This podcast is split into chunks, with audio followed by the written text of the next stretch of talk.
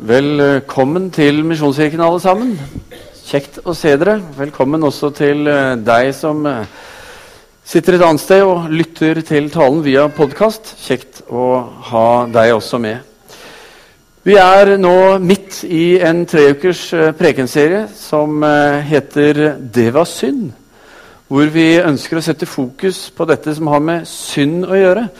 Ofte så er det noe vi snakker for lite om fra talerstolen, og det ønsket vi å gjøre gjennom denne serien. Eh, synd er det som ble vår natur tilbake i Edens hage i starten, når Adam og Eva eh, spiste av frukten og dermed gikk imot det som var Guds befaling, det som var Guds vilje. Da kom synden inn og ble en del av menneskets natur.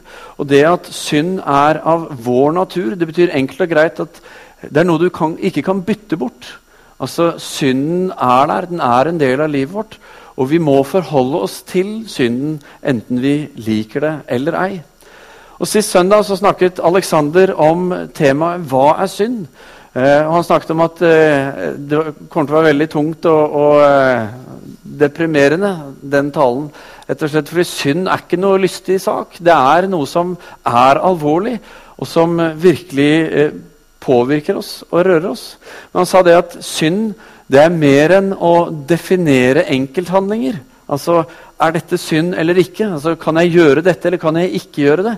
Som ofte er måten vi reflekterer rundt synd. Men han sa at synd er noe langt mer. Det er noe som vi er bundet av på dypet i livet.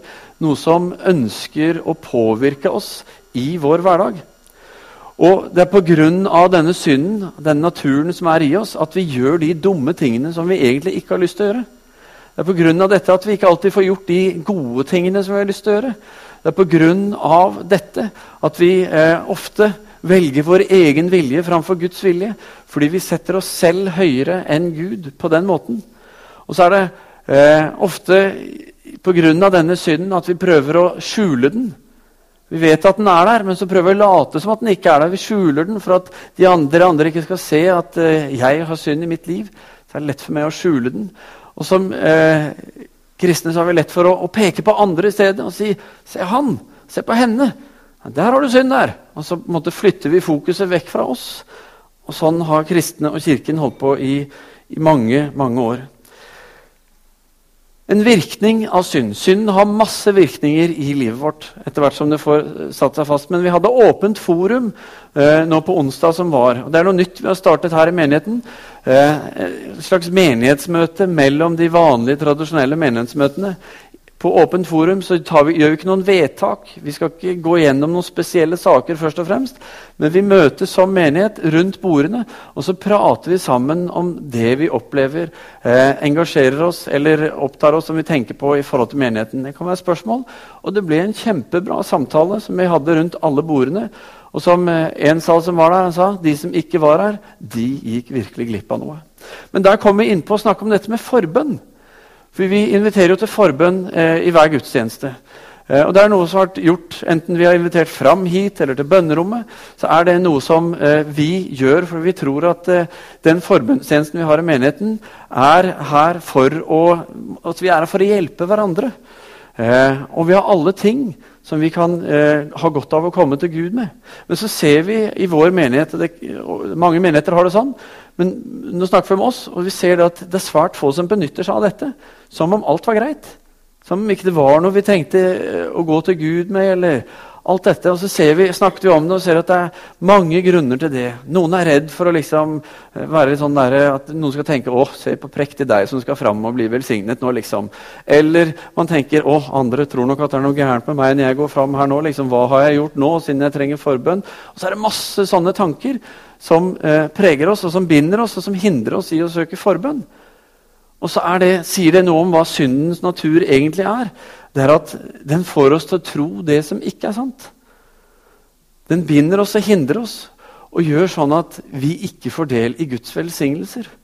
Gud ønsker å fylle oss med alt godt fra seg. Og jeg tror at det å søke forbønn er en kjempeanledning til å komme til Gud med de tingene vi bærer på. uansett hva det er. Altså, men når vi ikke gjør det, så går vi glipp av Guds velsignelser Og det tenker jeg, det er jo synd. I dobbel forstand.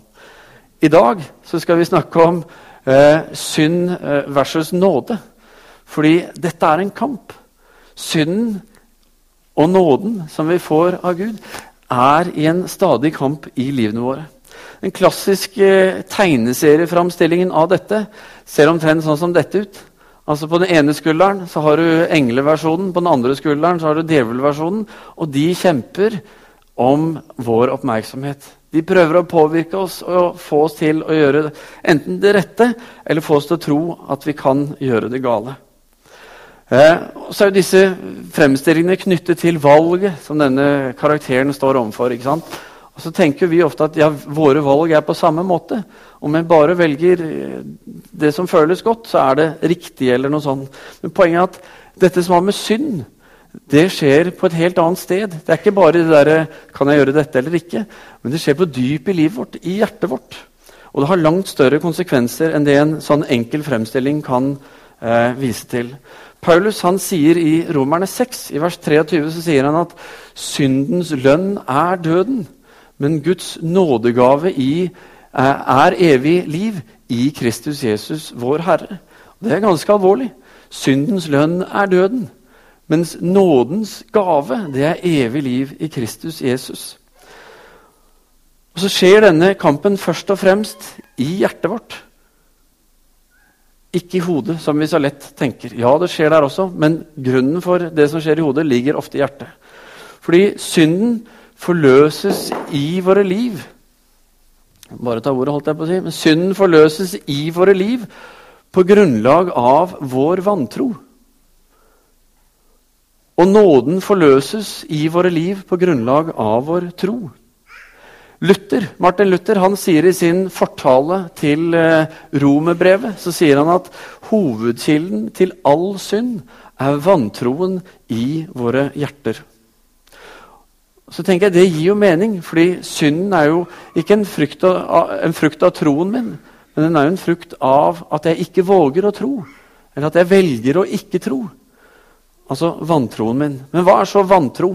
Vel, vantro det er for det første begynner med å fornekte sine tanker, i sine tanker det som troen sier er sant.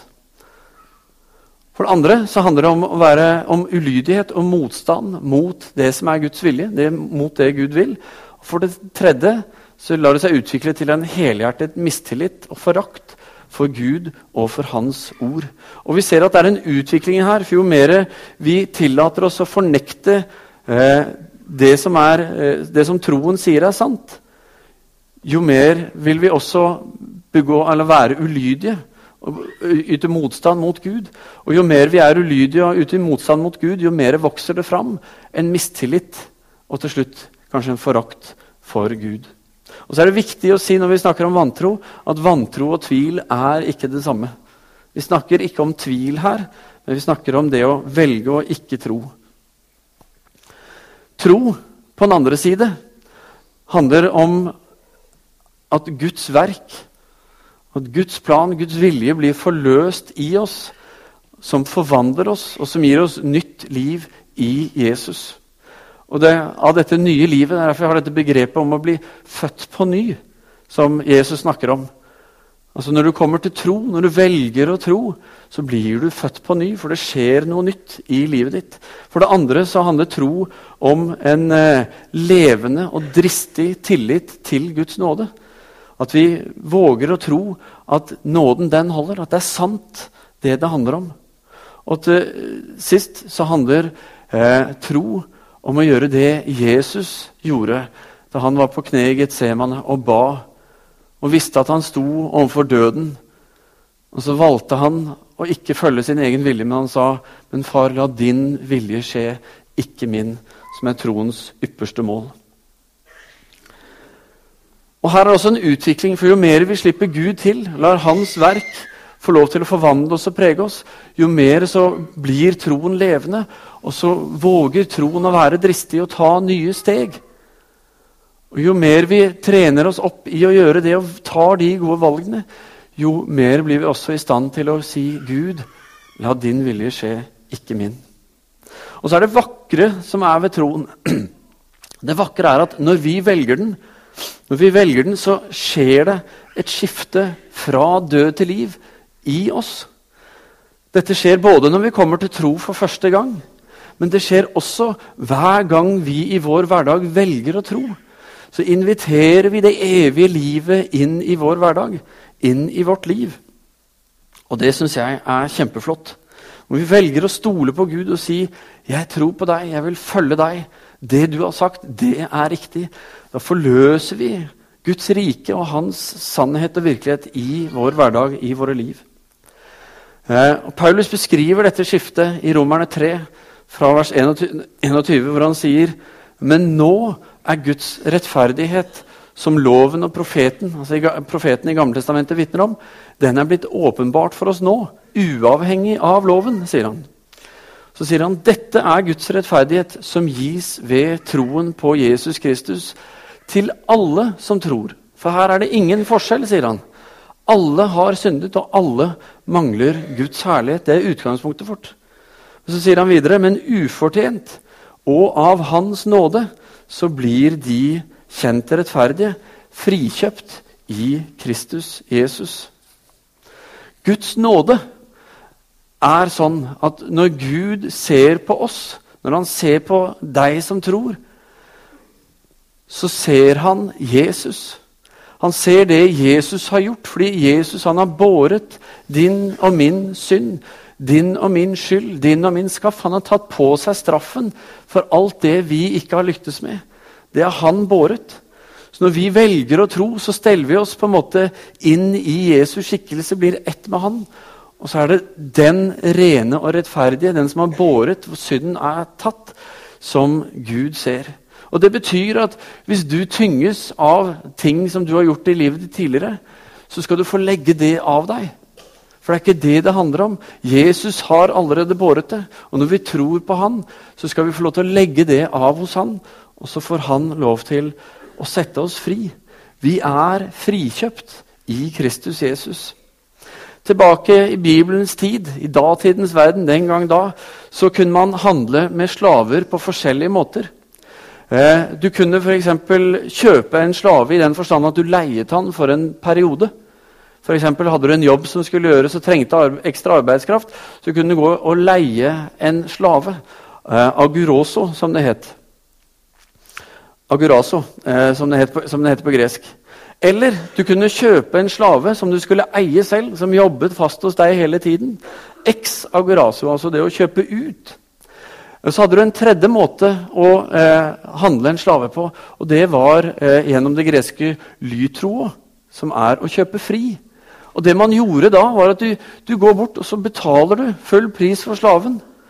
Og så, eh, når slaven da egentlig er din, så gir du den slaven en frikjøpsattest. For å, den, på den måten å si at dette er en fri mann. Dette er en fri kvinne. Han har ikke rømt. Han ser kanskje ut som en slave, men er ikke det. Han er fri. Og så sier han nå kan du gjøre akkurat hva du vil. Livet er ditt. Du har fått i gave. Vær så god. Og så kan du gå ut.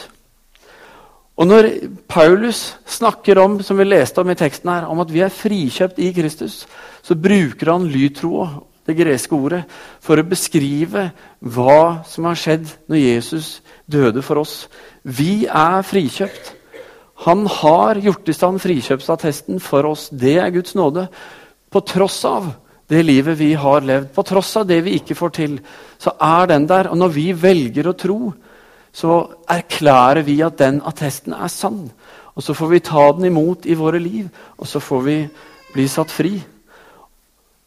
Og så blir vi erklært rettferdige i Guds øyne. Og det syns jeg er fantastisk. Det er nåden, og det er flott. Men så er det sånn at selv om nåden er fantastisk, og det er godt å kunne få lov å fortelle om dette, så er denne kampen mellom synd og nåde også et visst alvor ved. Fordi på tross av at dette er skjedd, på tross av at Jesus har kjøpt oss fri, så lever vi ennå i dette, eh, denne kampen, denne virkeligheten, om eh, hvem er det som vi skal gi makt i vårt liv. Er det synden, eller er det nåden? Det er en slags stemmeseddel for deg som skal ut og stemme i morgen. Hvem er det du, Hvilken stemmeseddel er det du velger? Hvem er det du gir makt i livet ditt? Hvem er det som skal få lov å styre? På hvilket grunnlag? Er det synden, eller er det nåden? Er det Gud, eller er det den onde? For en handling gjort i vantro, den hindrer Guds verk i oss. Den hindrer hans ledelse, hans kraft, til å fungere i oss. Og når vi velger vår egen vilje, eller ikke våger å tro at Guds nåde holder, fordi vi tenker at nei, det er for gærent, det jeg har gjort, så gir vi synden makt over våre liv. Og Jo oftere vi gjør det, jo flere områder av livet vårt vil også synden kunne påvirke og styre. Og syndens mål er å lede oss vekk fra Guds plan og vilje, fra hans velsignelser. Og nådens plan er jo å forløse dette fullt ut, uten noe kostnad. Men om dette er sant da om synden, så er det enda mer sant om nåden. Fordi eh, Guds nåde handler ikke bare om å påvirke. Han har allerede gått inn. Han har vunnet over dødens og syndens makt. Den er brutt. Så når vi velger å tro, når vi velger å stole på Gud og følge Han, så er vi rettferdige i Jesus. Da forløses Guds nåde over våre liv, hans verk. Da forløses hans ledelse, hans plan, hans gode tanker for oss. Da kan vi leve ved tro. Ikke bare stå imot synden, men vi kan overvinne synden. Og Det er viktig for oss å være klar over. Paulus beskriver i Efeserne 6 det han kaller for Guds fulle rustning. Hvor han sier, eh, Fra vers 10 sier han, 'Bli sterke i Herren, i Hans veldige kraft'. Ta på Guds fulle rustning, så dere kan stå dere mot djevelens listige knep.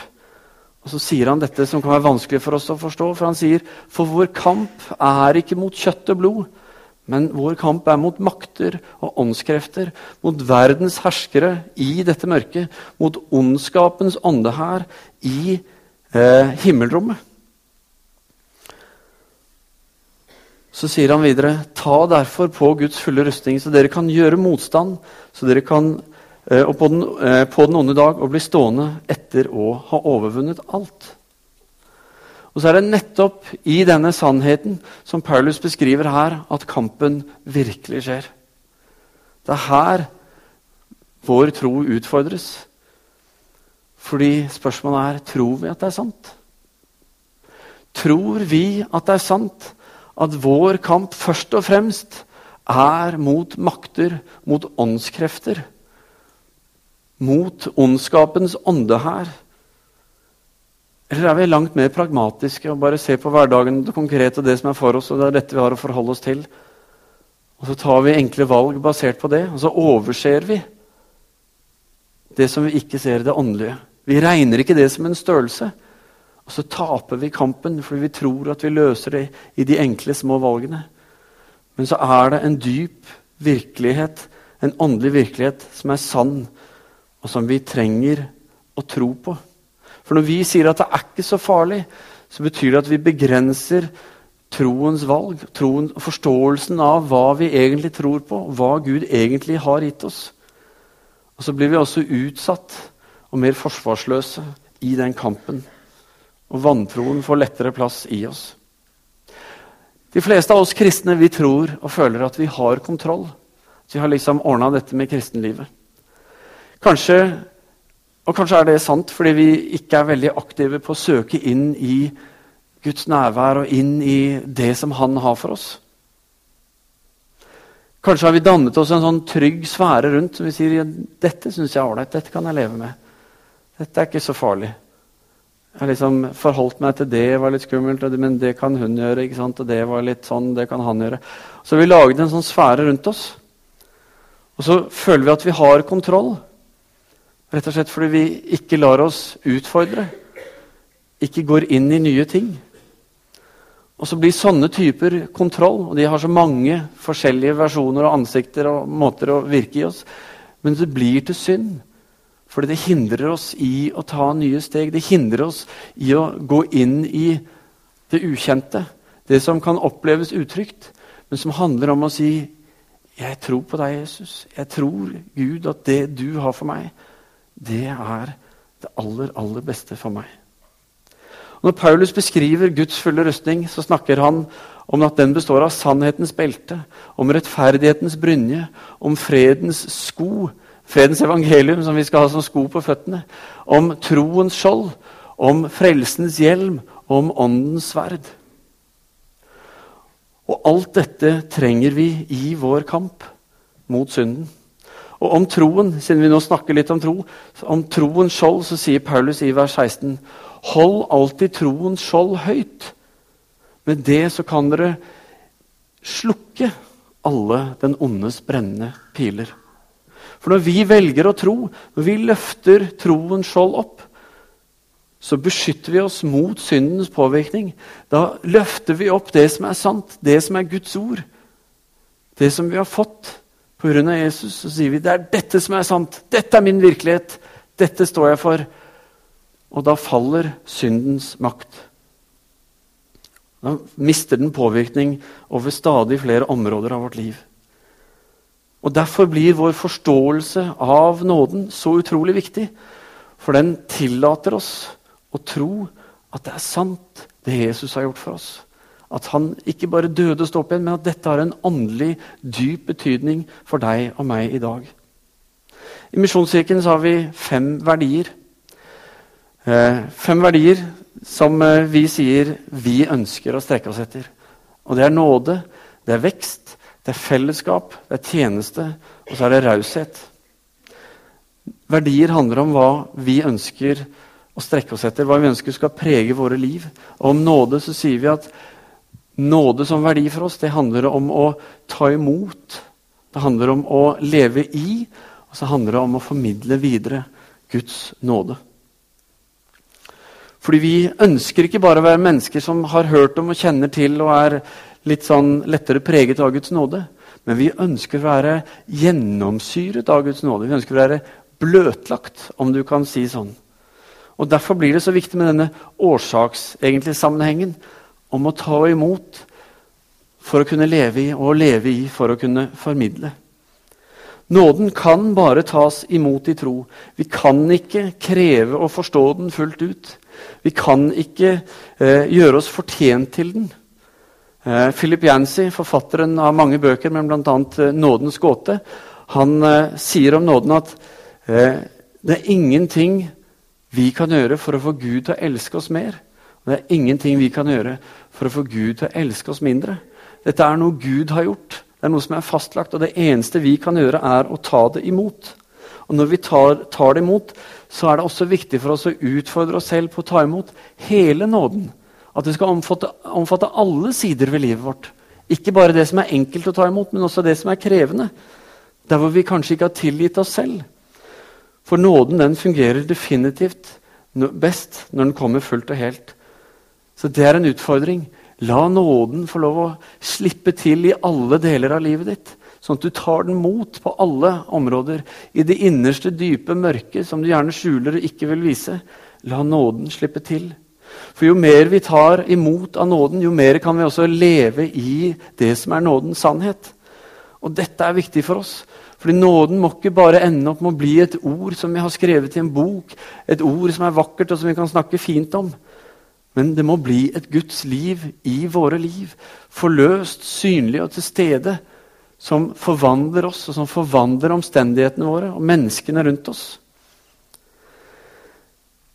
Å leve i nåden, det er å leve frigjort fra disse bindingene som synden har.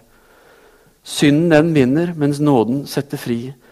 Og Paulus sier i Galaterne 5, så sier han at det er til frihet har Kristus frigjort oss. Så stå derfor fast, og la dere ikke tvinge inn under slaveåket igjen. Jeg husker eh, jeg med forundring som eh, tenåring hørte min storebror fortelle. Han var, spilte i et band, og de hadde vært eh, på fengselsbesøk. Og Der hadde han snakket med en fange som eh, hadde sittet jeg husker ikke noe, i hvert fall 30 år, hvis ikke mer. Og Grunnen til at han hadde sittet så lenge, var at han hadde sonet en livstidsdom. og Så var han sluppet ut for liksom å prøve seg ute i, i, livet for å se om dette skulle funke for han.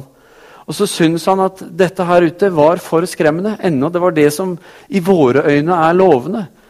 All, vi tenker at alle som sitter inne, de har lyst til å komme ut. For der er du fri. Der kan du starte på nytt og alt. Men for han så ble det for skremmende. Det var for mye nytt. Så i bare ren sånn der blind panikk så stikker han ned en person. Fordi han vil inn igjen, inn i det trygge. For der hadde han kontroll. Sånn visste han hvordan det var. Og det høres helt utrolig ut at noen skal velge å gjøre det. Men min bror satt altså og pratet med han om dette. Men så tenker jeg dette er jo på mange måter sant om oss. Vi gjør jo dette selv. Hver gang vi kjenner at Gud kaller på oss, utfordrer oss, inviterer oss, og vi tenker 'nei, jeg vet ikke helt hvordan det blir'. Tenk om jeg blir sånn som han eller som henne. Tenk om det skjer noe jeg ikke har kontroll over. Og så velger vi å ta et steg tilbake og vente og se det an litt. For det er mye tryggere, det vi har. Og så lar vi oss på nytt lure til å tro at det vi selv har definert, er det som er best. Og så går vi glipp av mye av det Gud har for oss. Fordi synden har fått oss til å tro at det vi selv har bygget, er bedre. Å leve i nåden er viktig. Å utfordre seg selv, la seg invitere av Gud til å ta nye steg i tro, det er så viktig for oss. For det frigjør oss til å leve det livet som Gud har for oss. Og For det tredje sier vi at vi er kalt til å formidle. Formidle nåde. For ingenting har vi fått nåden, og for ingenting skal vi gi den videre. Og Jo større begrensninger som preger vår evne, altså det vi har tatt imot, og det vi lever i, jo mer begrenset vil også det være, det vi formidler. Og det er jo en litt sånn der tankestrek, i hvert fall for meg. Jeg tenker på at vi lever i en verden som ganske aktivt sier at nei, dette med Gud og tro det er ikke noe for meg. Er det fordi de ikke har sett dette nådens liv? Fordi vi som kristne vi som kirke i Norge, i Vesten, har mislyktes med å ta imot nåden fullt ut og søke inn i det Gud har for oss. Og så, Lars Kristian her i dag skal være munter tale i dag. Eh, og nåden er munter, ikke glem det. Men det er, samtidig er det et alvor i denne kampen. For det er vi som er kalt. Det er vi som skal få lov til å være med og bringe fram det beste som Gud kan gi oss, og det er Hans nåde fullt og helt og gratis. Alle kjenner vi noen som i møte med kirke har bare gitt opp, for de bare klarte ikke å bli sånn som de følte at de måtte bli. For det var nådeformidlingen. Gjør som oss, bli som oss, se ut som oss, så kan du være sammen med oss. Alle tror jeg vi kjenner til det. Og så ender vi alle litt sånn tilbake i Edens hage med de samme problemstillingene. Og Derfor er det så viktig at denne fantastiske nåden som vi har fått, at det er noe vi tar imot. At vi bare legger oss flate for å si det sånn, og bare sier, 'Gud, dette trenger jeg. Jeg trenger det i mitt liv.' Og jeg lengter etter at dette skal bli forløst i mitt liv. At vi våger bare å, å la alle de tingene som vi holder for sant og eget, slippe tak og si, 'Gud, jeg trenger deg.' Jeg trenger ditt liv. Familien min trenger ditt liv. Nabolaget mitt trenger ditt liv. Byen min trenger ditt liv, trenger din nåde.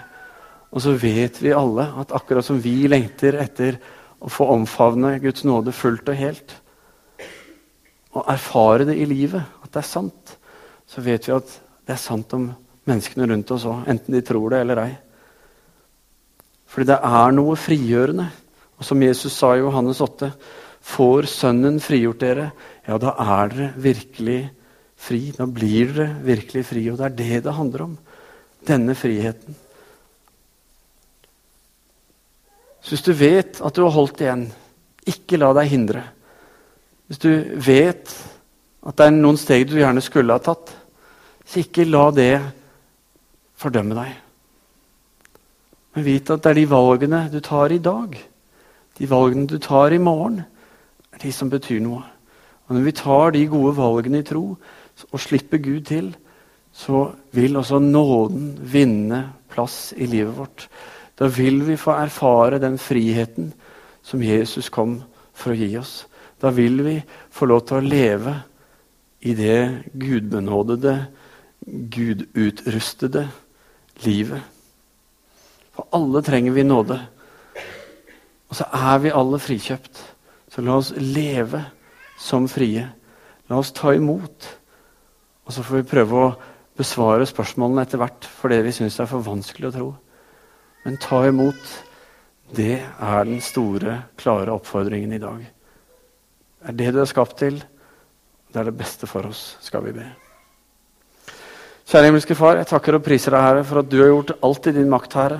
For at vi, Herre, skal få lov til å leve ditt liv. Få lov til å leve slik Jesus levde. Få lov til å ha denne nære, dype eh, relasjonen med deg. Hvor vi kan se og forstå hva du gjør, hva du ønsker å gjøre. Hvor vi kan leve under din ledelse. Hvor vi kan få lov til å være til velsignelse for alle mennesker som er rundt oss, enten det er eh, ektefellen eller det er han naboen lengst ned i gata som vi ennå ikke har fått hilst på. Herre. Eller det handler om å ta imot flyktninger her som kommer eh, gjennom Europa og opp til oss nå, Herre, fra Syria. Men Herre, hjelp oss til å åpne våre hjerter, til å våge å ta steg i troen, være bevisste på å velge troen og ikke gi etter for vantroen. Hjelp oss, Herre, til å ta disse stegene, slik at du kan få lov til å vinne seier. Sånn at vi får leve i denne nåden, Herre. Ofte så lurer vi på hvordan nåden egentlig er, og hvordan den gjelder for oss. Vi kan tro det inni oss, men så savner vi enda mer av det. Herre, hjelp oss å velge den. Hjelp oss å velge at det er sant, det du har sagt. Hjelp oss å tro, Herre, at din vilje, den er uendelig god. At din vilje for meg og for oss er bedre enn vår egen. Hjelp oss, Herre, å søke deg helhjertet. Så har du sagt at når vi søker deg, så lar du deg finne. Da møter du oss. Og så har du allerede gitt oss frikjøpsattesten, Herre. Hjelp oss å ta den imot i tro, Herre. Vi trenger deg. Og vi takker deg, Herre, for at dette er sant. Takk for nådens under, Herre. Vi priser deg i Jesu navn. Amen.